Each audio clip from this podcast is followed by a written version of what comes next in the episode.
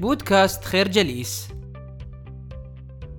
لسنوات طويلة كان هناك سؤال يشغل عقل مؤلف الكتاب جيم كولينز وهو ما هي أهم العوامل التي تمكن الشركات الجيدة والمتوسطة بل وحتى السيئة من أن تتحول إلى شركات عظيمة على المدى البعيد؟ ما هي الأشياء التي تفعلها هذه الشركات حتى تتميز عن منافسيها في السوق؟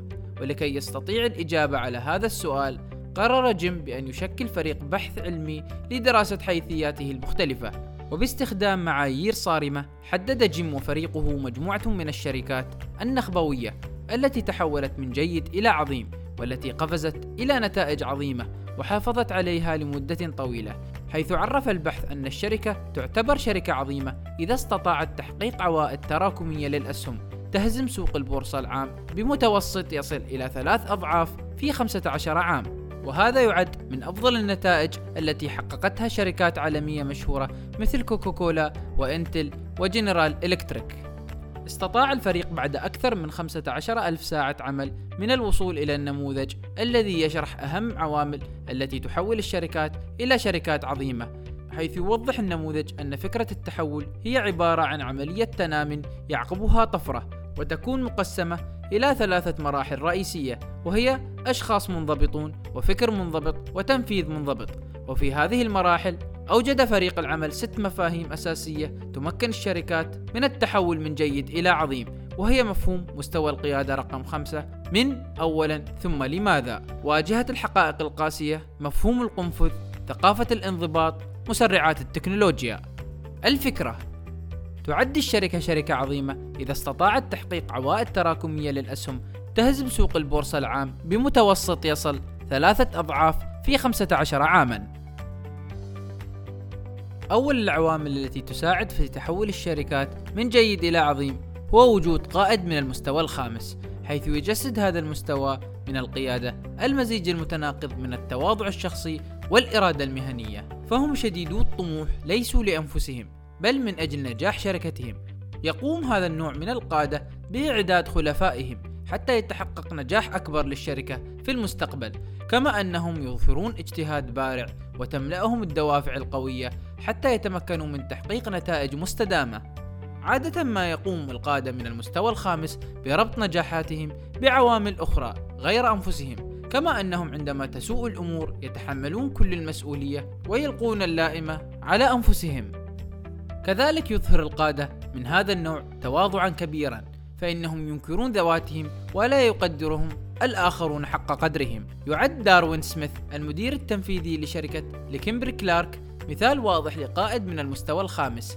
فقبل استلامه لدفة القيادة كانت الشركة قد خسرت حوالي 36 خلال السنوات الأخيرة.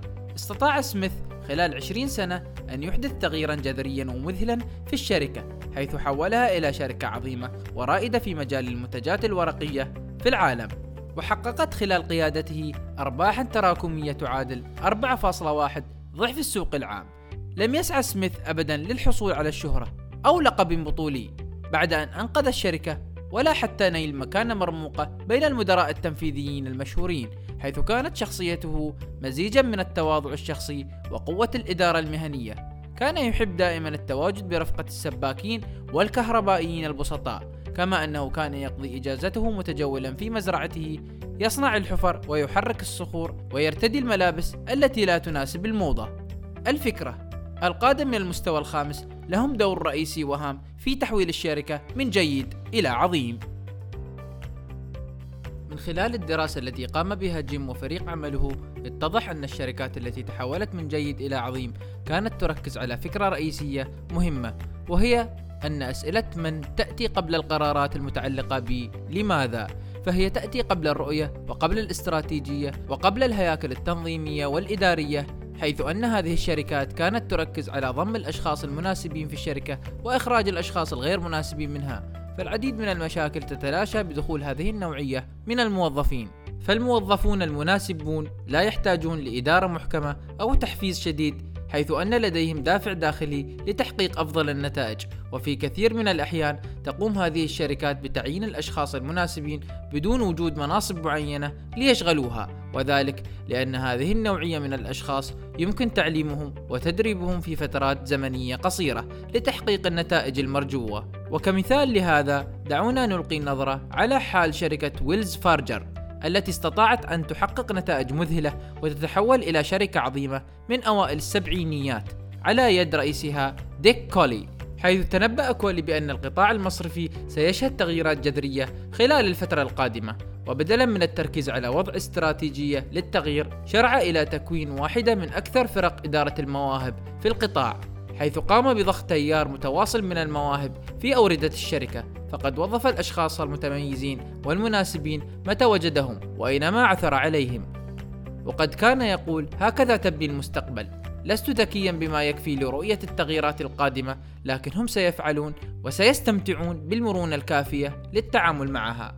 ومن خلال هذه الفترة استطاعت الشركة تحقيق أرباح تراكمية تعادل أكثر من ثلاثة أضعاف السوق العام. الفكرة الأشخاص المناسبون هو أهم الأصول للشركة. من أهم العوامل التي تميز الشركات التي تحولت من جيد إلى عظيم هي مواجهة الحقائق القاسية لواقعهم الراهن، فعندما تبدأ بصدق وشفافية في تحديد موقف شركتك، فإن القرارات التي يجب عليك أن تتخذها تصبح بديهية جدا، لذلك يجب توفير بيئة ثقافية يكون للموظفين فيها فرصة بأن يكونوا محل إنصات وبالتالي تزداد فرصة الشفافية في الشركة وتكون الحقائق على مرأى من الجميع. وهناك أربع ممارسات يمكنك استخدامها لتوفير هذه البيئة. واحد قد من خلال الأسئلة وليس الإجابات. اثنان شارك في الحوار والنقاش ولا تجبر. ثلاثة حلل دون لوم. أربعة اعتمد على آلية العلم الأحمر والتي تعني أن أي موظف يستطيع في أي وقت تحويل المعلومة إلى معلومة لا يمكن تجاهلها من قبل الإدارة. ومن الأمثلة على مواجهة الحقائق القاسية شركة كروجر والتي تعمل في مجال البيع بالتجزئة في أمريكا. كانت هذه الشركة تعمل باستراتيجية إنشاء بقالات صغيرة في مختلف الولايات المتحدة الأمريكية حيث أن هذه الاستراتيجية كانت فعالة جدا. في النصف الأول من القرن العشرين بسبب ما فرضته الحربين العالميتين من تقشف على الأمريكيين. ولكن في النصف الثاني من هذا القرن تغير الأمريكيون وأصبحوا يريدون متاجر أكبر وخيارات أكثر. فقامت إدارة شركة كروجر باختيار مفهوم المتجر الكبير وكانت نتيجة هذه الاختبارات أن النموذج القديم لمحلات البقالات الذي يمثل 100% تقريبا من أصول كروجر على وشك الانقراض. وبناء على هذه الحقيقة القاسية بدأت هذه الشركة في اتخاذ قرارات مصيرية فقامت باستبعاد أو تغيير أو استبدال كل متاجرها الصغيرة ومغادرة الولايات التي لا تنسجم مع هذه الحقيقة ثم بدأت ببناء نظامها الجديد المكون من متاجر كبيرة بكل المدن والولايات حتى تمكنت في نهاية التسعينات من إعادة بناء نظامها الجديد كليا واستطاعت تحقيق أرباح تراكمية تعادل عشر أضعاف السوق. وفي هذا السياق قال لايل إفرنغام الرئيس التنفيذي لهذه الشركة بالتأكيد كان هناك بعض الشكوك في البداية ولكن بمجرد النظر إلى الحقائق لم يكن هناك أي شيء حقا حول ما يتوجب علينا فعله لذلك قمنا بذلك فحسب الفكرة. واجه الحقائق القاسية ولكن لا تفقد ثقتك بنفسك أبدا. نشكركم على حسن استماعكم. تابعونا على مواقع التواصل الاجتماعي لخير جليس. كما يسرنا الاستماع لآرائكم واقتراحاتكم. ونسعد باشتراككم في البودكاست.